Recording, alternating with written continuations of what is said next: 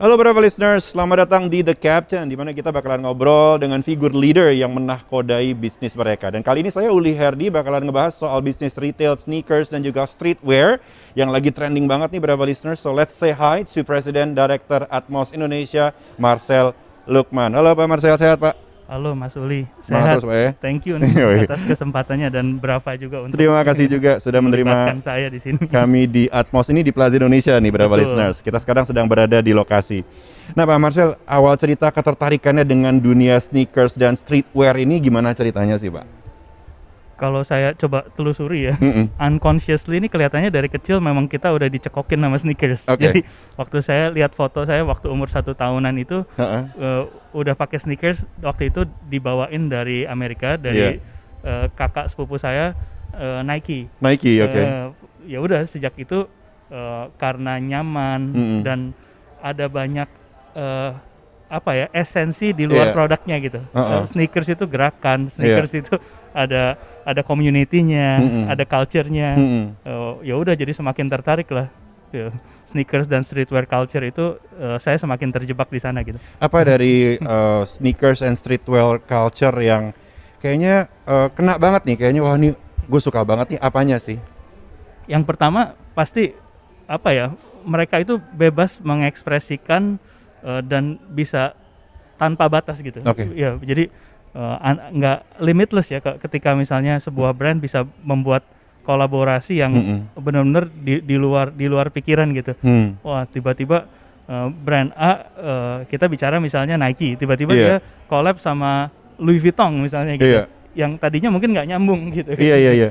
Sesuatu yang bisa ke mana-mana jadinya seru aja gitu Oke. Ya, sangat hidup dan sangat dinamis Hmm.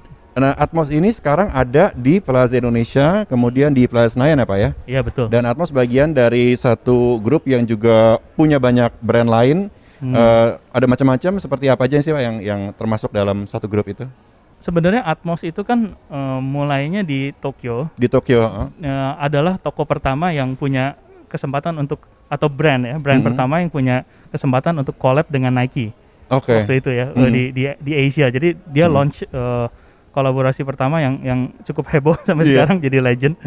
Nah, terus dari situ berkembang tuh Atmos dari tadinya multi brand store. Multi brand Iya, store, jadi ha. awalnya multi brand memasukkan berbagai jenis brand Heeh. sampai akhirnya punya kesempatan untuk collab lebih banyak dengan brand-brand yang ada di dalamnya. Aha. Di dalamnya ada Nike, Adidas, New Balance, Reebok, Converse, Asics. Mm-mm. Ya eh, banyak sekali lah. Saya Iya. nggak bisa nggak cukup untuk disebutin satu persatu, tapi Heeh. ya eh, Collab semua dibilang- dengan Atmos. Iya banyak sekali yang Mm-mm. kita bisa eh, share di Atmos dan bisa dikembangkan gitu. Oke. Nah, seru jadinya gitu. Dan Atmos itu eh, kemudian juga berkembang menjadi begitu banyak eh, toko di Jepang dan di banyak negara lain, termasuk kemudian masuk ke Indonesia gitu Pak ya. Betul betul. Nah itu gimana ceritanya tuh awal keterlibatannya eh, Pak Marcel Lukman sehingga akhirnya oh kita buka deh Atmos di Indonesia. Ya, itu awalnya karena pertama kita tuh sangat suka dengan yang namanya sneaker culture ya dan Mm-mm. atau street culture. Iya. Dari dari situ kita lihat ada community-nya kan. Eh, kita lihat wah community dan culture yang tumbuh ini harusnya di Indonesia ini bisa dikembangkan jauh lebih besar lagi. Iya. Eh, bukan cuma sekedar produk gitu. Iya. Nah, makanya kita lihat oh kalau kita masukin Atmos ke sini Hmm. gerakannya akan, Akan semakin, semakin- hidup dan semakin iya. besar gitu. Awalnya itu sih. Nah, terus kebetulan ditawarin aja sih waktu itu kita Mm-mm. bukan datang ke sana eh mau buka Atmos di Indonesia, tapi Iya. kita memang sudah dari dulu nih Iya. hobinya mengembangkan berbagai jenis brand di Iya. Indo. Nah, dari situ mungkin mereka lihat oh, kayaknya di Indonesia nih kalau kita partneran sama kalian mungkin cocok gitu. Iya. Ya udah hoki lah ya ada ada ada ada keberuntungannya Ada juga faktor gitu. keberuntungan dia Ada faktor berarti ini Pak juga. eh, jodoh artinya. Iya, jodoh. ya. nah Pak kalau kita tanya satu kata untuk describe seorang uh, Marcel Lukman, how would you choose a word to describe yourself and why that word? Hmm. Ini lebih ke dari banyak orang aja kali ya yang Oke. bilang mungkin lebih eh, bisa dibilang positivity, Positivity, positivity. ya. Oke. Karena sering kali saya menghadapi Mm-mm. atau teman-teman menghadapi keadaan Mm-mm. yang sangat ekstrim, Mm-mm. eh, separah apa pun itu keadaannya, Iya. saya masih bisa senyum dan bisa positif. Mungkin Ah. itu kali, masih bisa melihat sisi positifnya. Gitu. Dan itu uh, bagaimana rahasia sehingga bisa begitu atau emang Hmm. dari kecil emang begitu atau ada spe- special secret sauce nih yang membuat bisa positif nih gitu. Karena kayaknya dari kecil udah sering menghadapi berbagai kesusahan kali ya. Hmm. Wah, udah habis-habisan susah, eh, banyak masalah Oh gitu. sehingga ketika kita sudah menghadapi berbagai banyak isu, Iya. satu-satunya cara untuk bangkit adalah ya udahlah mengubah mindsetnya aja gitu. Hmm. Kalau kita positif, semua masalah atau semua isu ini tentunya nantinya malah bisa jadi berubah jadi positif gitu dan benar gitu. Karena keadaan jadi kalau ditanya kenapa bisa gitu karena dibentuk oleh keadaan. Kalau kayak- dibentuk oleh keadaan Hmm. siap. Oke. Pak Marcel, kalau di Atmos ini proses kurasi brand-brand yang ada ini gimana caranya sih Pak? Dan apakah ada local brand yang juga pernah berkolaborasi dengan Atmos? Yang pasti awalnya kita harus balik lagi terhadap eh, ini ya jiwa dari brandnya harus nyambung dengan Atmos gitu kan. Hmm. Awalnya ke situ sih. Iya. Brand ini eh, values-nya sama soul-nya nyambung nggak? Iya. Nah kalau udah nyambung, baru kita research. Tadi Hmm. saya beberapa kali sempat bilang research itu sangat penting ya. Iya. Jadi by data kita lihat ini kelihatannya bisa cocok di market, ada ada marketnya atau enggak gitu Hmm. kan? Atau misalnya tujuannya apa nih gitu? Hmm. Oh tujuannya untuk marketing atau supporting eh, beberapa talent Mm-mm. bisa juga kita tetap Mm-mm. jalankan. Jadi kayak tadi pertama yang penting soulnya nyambung. Iya. Yang kedua habis itu eh, lihat datanya gitu. Oke. Mau mau dikemanain brand ini. Mm-mm. Nah, terus apakah eh, ada pernah kolaborasi dengan brand lokal? Iya. Ada dan kita sangat pengen justru melibatkan lebih banyak lagi Mhm. pelaku-pelaku industri kreatif Indonesia Oke. gitu. Contohnya apa? Misalnya waktu awal kita buka Plaza Indonesia tuh kita melibatkan Darbots. Darbots ya. Ya. Wah itu keren banget. Saya salah satu favorit eh, keren habis. Betul. Terus udah terus, gitu ada terus. Uji Hahan yang Plaza Senayan Iya. dan ada beberapa lagi eh, sen- teman-teman seniman dari Jogja atau brand-brand yang mungkin nggak terlalu banyak orang tahu Mhm. tapi kita coba angkat misalnya domestik Rian Adiputra dan Iya. lain-lain gitu. Oke. Ya. Nah tadi eh, kan Pak Marcel bicara mengenai riset Pak. Apakah ada cara-cara riset tertentu yang memang sering dianggap cukup bisa diandalkan gitu? Apakah misalnya dengan hanya menggunakan sosial media kah atau eh, dari mana data-data ini biasanya bisa dibilang wah ini oke nih buat pegangan? Kalau kebetulan kita dulu ya, Iya. kita cukup beruntung karena grup kita ini sudah lumayan established. Jadi Iya. eh, dari dari dari semua bisnis yang kita punya kurang lebih udah lumayan terbentuk data yang Hmm, dibutuhkan gitu, iya. database-nya ya. Iya. Tapi kalau ditanya untuk siapa pun eh, sebenarnya banyak ya sekarang se- eh, semakin simple untuk bisa cari data Mm-mm. eh, kayak tadi dari sosial media atau Iya. dari tentunya internet dan lain-lain. Iya. Tinggal cari yang sumber yang terpercaya. Mm-mm. Terus satu lagi Apa, Pak? kita ini kadang-kadang pa- pada akhirnya bisnis itu harus percaya insting juga kan. Iya, Jadi ya. eh, kita udah bicara banyak angka, data Hmm, dan lain-lain. hmm, hmm. Terus tanya orang-orang sekitar kita. Oh, oh. Nah, terus harus punya insting dan gut feel Heeh. ter- terlepas dari data itu juga jadi penting gitu. Heeh. Ya. Dalam eh, membangun atmos ini pernah ada momen-momen di mana kayaknya wah instingnya ke sini nih. Ya udah deh ini aja gitu. Mungkin yang pertama adalah ketika dikasih kesempatan buka Atmos di Indonesia. Hmm. Itu nggak semua pada saat itu nggak semua partner saya setuju justru. Oh gitu. Kebetulan gitu. Iya. Eh, banyak yang mm, investasinya kan nggak kecil. Mm-mm. Oh, eh, kira-kira bisa nggak ya? Mm-mm. Nah, terus dilakukanlah research kan. Karena marketnya kan nggak mass ya. Betul, betul. Harganya juga nggak semuanya terjangkau gitu, Betul. lebih premium. Mm-mm. Tapi waktu kita research datanya kelihatannya bisa nih. Mm. Dan eh, ya udah deh, we we just have to take the leap of faith aja gitu. Iya. Kayak tadi kan positivity, yakin, Mm-mm. udah deh coba. Yo yo. Dan terbukti sekarang kalau kita cari sepatu, ya udah Atmos, udah jelas mau ke mana lagi. lumayan, lumayan. Nah, Pak, kalau bicara mengenai sneakers favorit nih, tentunya ada banyak gitu ya. Tapi Iya. boleh deh di-mention apa-apa aja sih sneakers favorit dari Pak Marcel? Oke, paling yang buat saya pribadi nggak harus hype ya, Iya. karena banyak orang nih terjebak. Wah kalau gue beli sneakers harus hype, harus yang harganya nanti naik banget, bisa Mm-mm. dijual lagi 100 juta gitu kan. Mm-mm. Nah, itu bonus. Tapi yang penting itu story behind uh, the sneakers tersebut Mhm. dan uh, kenyamanan. Iya. Jadi kalau tentu uh, saya suka Nike karena tadi cerita dari awalnya dan misalnya ini ada Nike uh, kolab salah satu kolaborasi pertama atau Mhm. salah satu kolaborasi yang paling terkenal dari Atmos dengan Nike ya. Iya. Air Max dengan uh, Elephant Print ini gitu. kan. Elephant print, iya. Ya, uh, terus udah gitu di luar itu jadi berkembang tuh yang animal uh, apa Atmos Animal Pack gitu kan. Mm-mm. Uh, ber- uh, ini juga unik gitu. Mm-mm. Uh, tapi uh, ada juga beberapa merek sneakers lain. Misalnya saya suka New Balance Iya. uh, karena sederhana dan nyaman dan timeless gitu. Mm-mm. Dipakainya enak. Mm-mm. uh, terus udah gitu brand baru lagi ya. Mm-mm. Misalnya ini nih Salomon. Salomon, Pak. Oke. Banyak mungkin orang Salmon nggak ini kan sebenarnya lebih ke buat eh, ini nggak sih Pak, buat outdoor gitu. Iya banyak yang Iya banyak kan? yang apa orang melihatnya persepsi Trail running itu, gitu, kan. Tapi Heeh. enak dipakainya enak. Ya saya suka. Terus eh, yang unik lagi Heeh. eh, saya berapa kali dapat ini nih Sean Waterspoon collaboration. Itu apa Pak? Sean Waterspoon tuh eh, sama Atmos bikin kolaborasi. Heeh. Dia tuh sangat perca- A6 ya? Ya ini ini A6 nih. Heeh. Dia sangat percaya terhadap ini apa sustainability dan lain-lain. Makanya dia nggak pakai kulit Materialnya? nih. Iya materialnya ini corduroy. Materialnya corduroy. Terus kiri kanannya beda warna. Oh lucu banget ya. Berapa listeners Anda harus datang ke Atmos sih untuk lihat semua yang dijelaskan ini karena emang lucu-lucu banget Ya satu lagi ini Adidas Sean Waterspoon. ini. Ya. Tapi ini yang tadi kita bahas ini semuanya collectibles ya Pak ya? Bisa dibilang begitu, tapi nggak sampai wah kalau mau beli sus- susah banget sampai harus antri lima hari nggak gitu. Enggak sih. ya? Oke. ada kok. Ini ada beberapa yang memang memang bisa bisa didapetin. Nggak nggak sampai sampai harus antri-antri lima hari gitu. Ini menarik-menarik nih opsinya berapa listeners. Eh, tadi Anda bisa membayangkan kira-kira seperti apa atau kalau Anda mau lihat visualnya tentunya bisa melihat ke YouTube channelnya berapa radio dan datang ke Atmos yang ada di Plaza Indonesia dan juga Plaza Senayan. Ya, lihat nih, ini ada kantongnya, ada Ini lucu ada banget sih, Pak. iya. Dan ini sekali lagi kan outdoor lagi tren ya sekarang. Iya Pak ya katanya eh, tahun 2022 ini kayak outdoor and hiking style tuh masuk ke streetwear ya Pak? Betul lagi tren Oke. lagi nih. Hmm. Dan ya Sean Waterspoon jago lah untuk untuk membaca tren dan eksekusinya tuh bagus. Nah Pak kalau kita bicara mengenai bisnis kan pasti adalah yang namanya kegagalan itu satu hal yang wajar terjadi gitu ya. Tapi mungkin yang beda adalah ada orang yang bersedia gagal lama sebelum sukses, ada orang yang wah kalau bisa gagalnya jangan lama-lama nih. Nah kalau Pak Marcel te- tipe orang yang seperti apa nih Pak?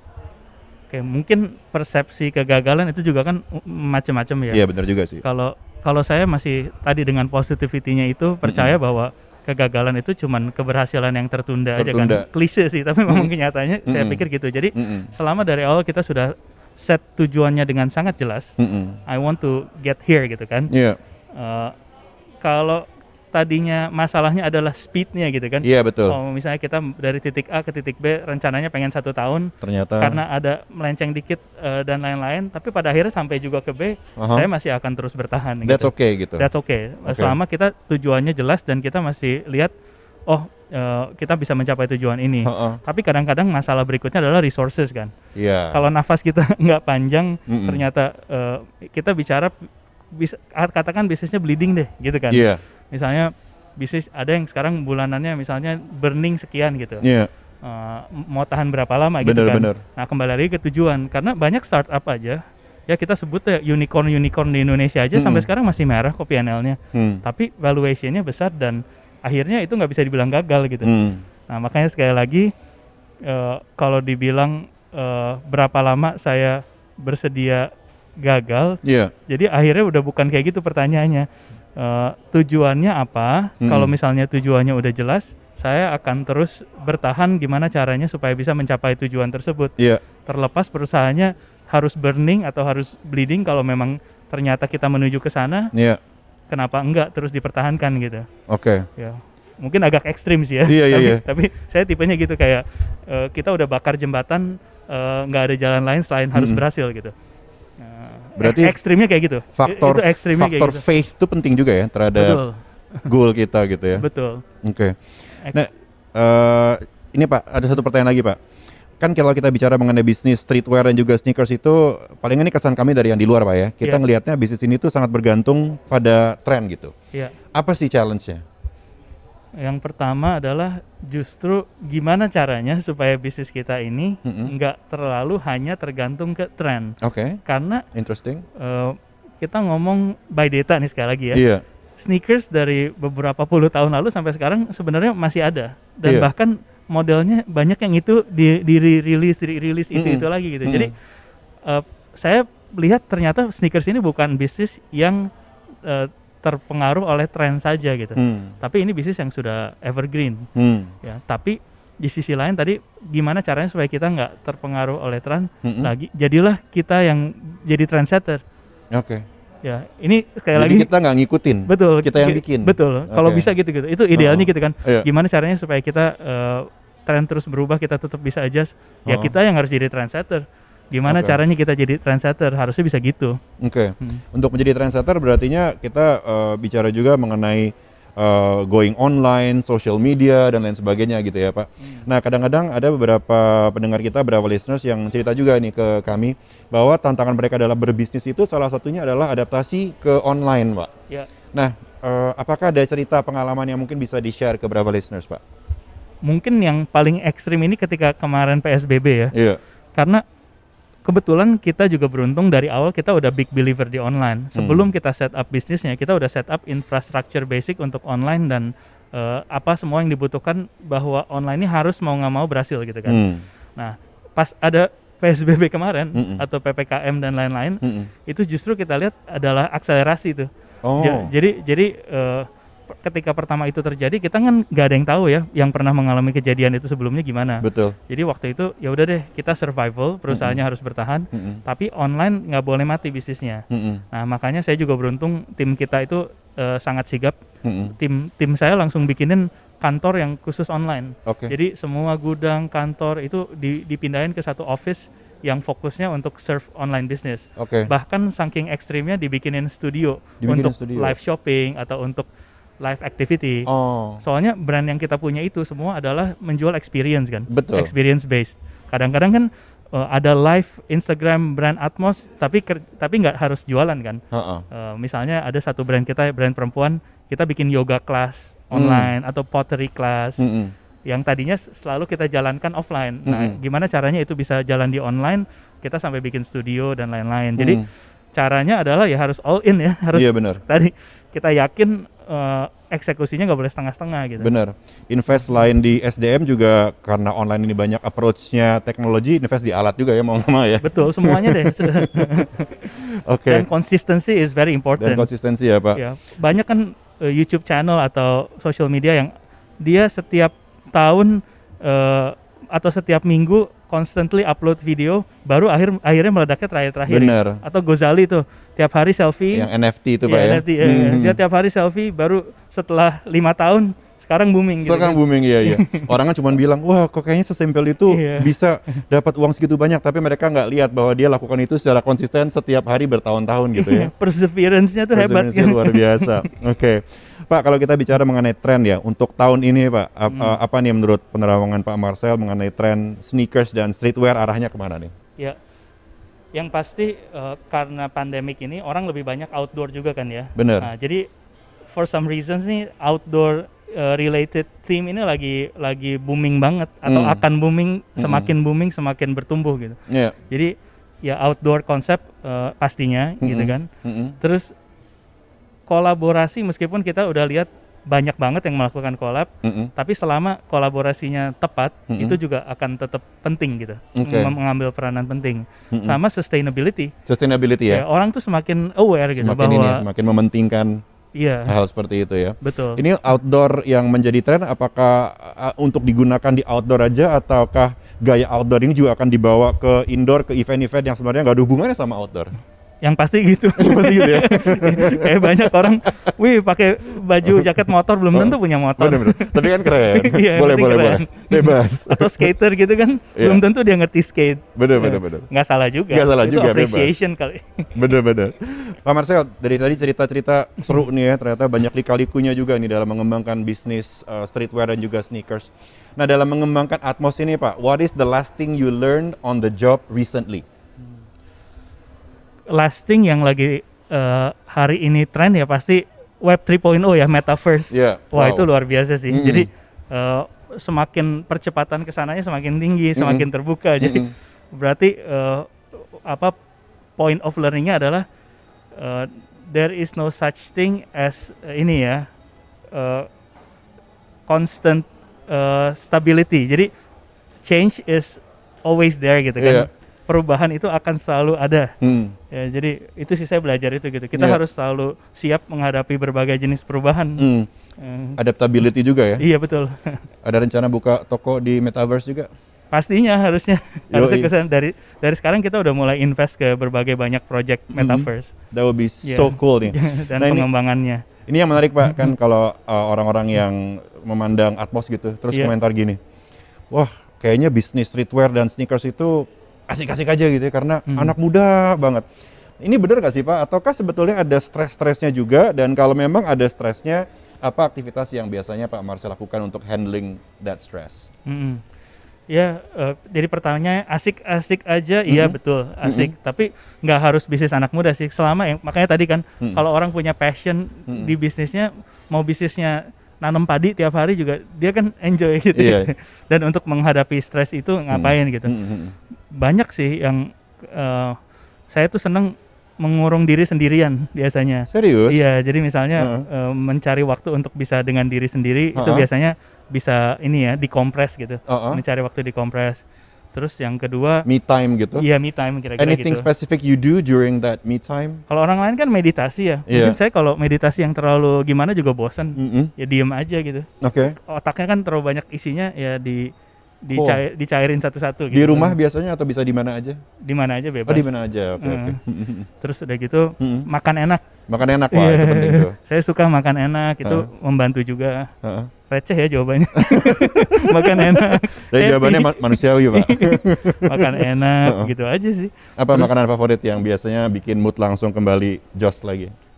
Waduh, eh, saya luas sekali sih. Tapi yang Heeh. penting setiap makanan itu yang kayak dibikin pakai hati gitu loh. Oke. Eh, ya jadi banyak sih nggak ada habisnya kalau mau disebutin satu-satu. Oke, Pak kalau kita uh, berhayal nih ya, Hmm. uh, if you are asked to describe best working day of your life gitu Pak, Iya. yang saking oke-nya hari itu ketika di jalan mungkin nyetir atau disetirin tuh Bapak Hmm. sampai senyum-senyum sendiri gitu, ambil ketawa-ketawa sendiri gitu kan. Apa sih, what is in that working day would make you so happy? Apa Pak, best working day?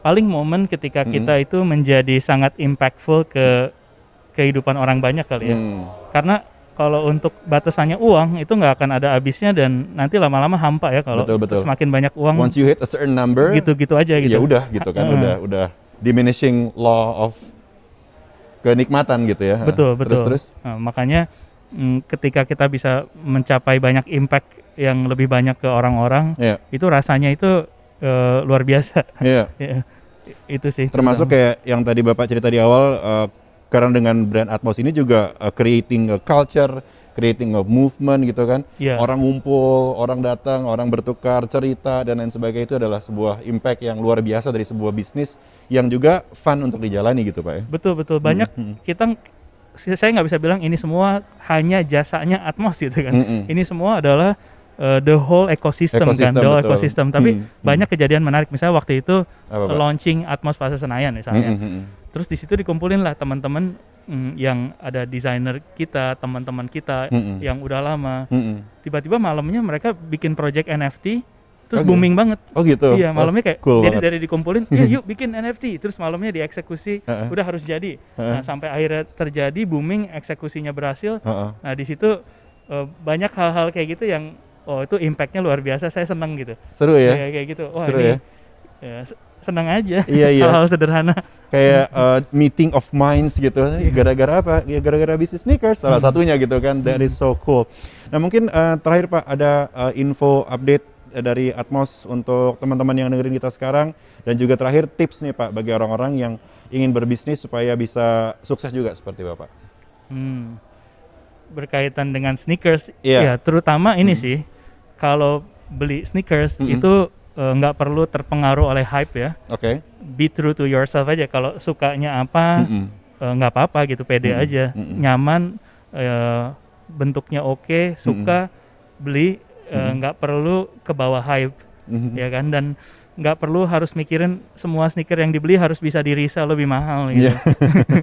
itu bukan intinya dari sneaker culture gitu Iya. bukan resell gitu oke terus udah gitu kalau kalau tips bagi orang yang ingin berbisnis iya eh, yang penting pertama harus punya faith ya and Iya. passion Iya. harus punya keyakinan eh, dan cinta akan apa yang mau dilakukan gitu kan iya Eh, yang terus berikutnya jangan lupa untuk research eh, Research ya yang tadi ya. ya research data penting ya data itu penting mhm. eh.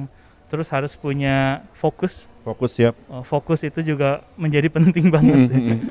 sama ini eh, persistent ya harus persisten Iya. Eh, Terus ada satu hal yang saya banyak belajar banget dari orang-orang Aha. itu integritas ya. Integritas ya Pak. Integrity ya, doing the right thing even when no one's actually knowing ya. Iya. Oke oke. Eh, terima kasih banyak Pak buat obrolan hari ini seru banget. Hmm. Eh, good luck untuk semua endeavornya, sukses selalu. Sama-sama. Salam Ya, buat teman-teman di. Atmos Indonesia. Nah itu dia obrolan kita berapa listeners bersama dengan Presiden Director Atmos Indonesia Pak Marcel Lukman. Kita mendapatkan banyak hal yang menarik banget. Saya ingetin juga buat Anda yang lagi dengerin di radio bahwa Anda bisa saksikan juga di YouTube channel Brava Radio.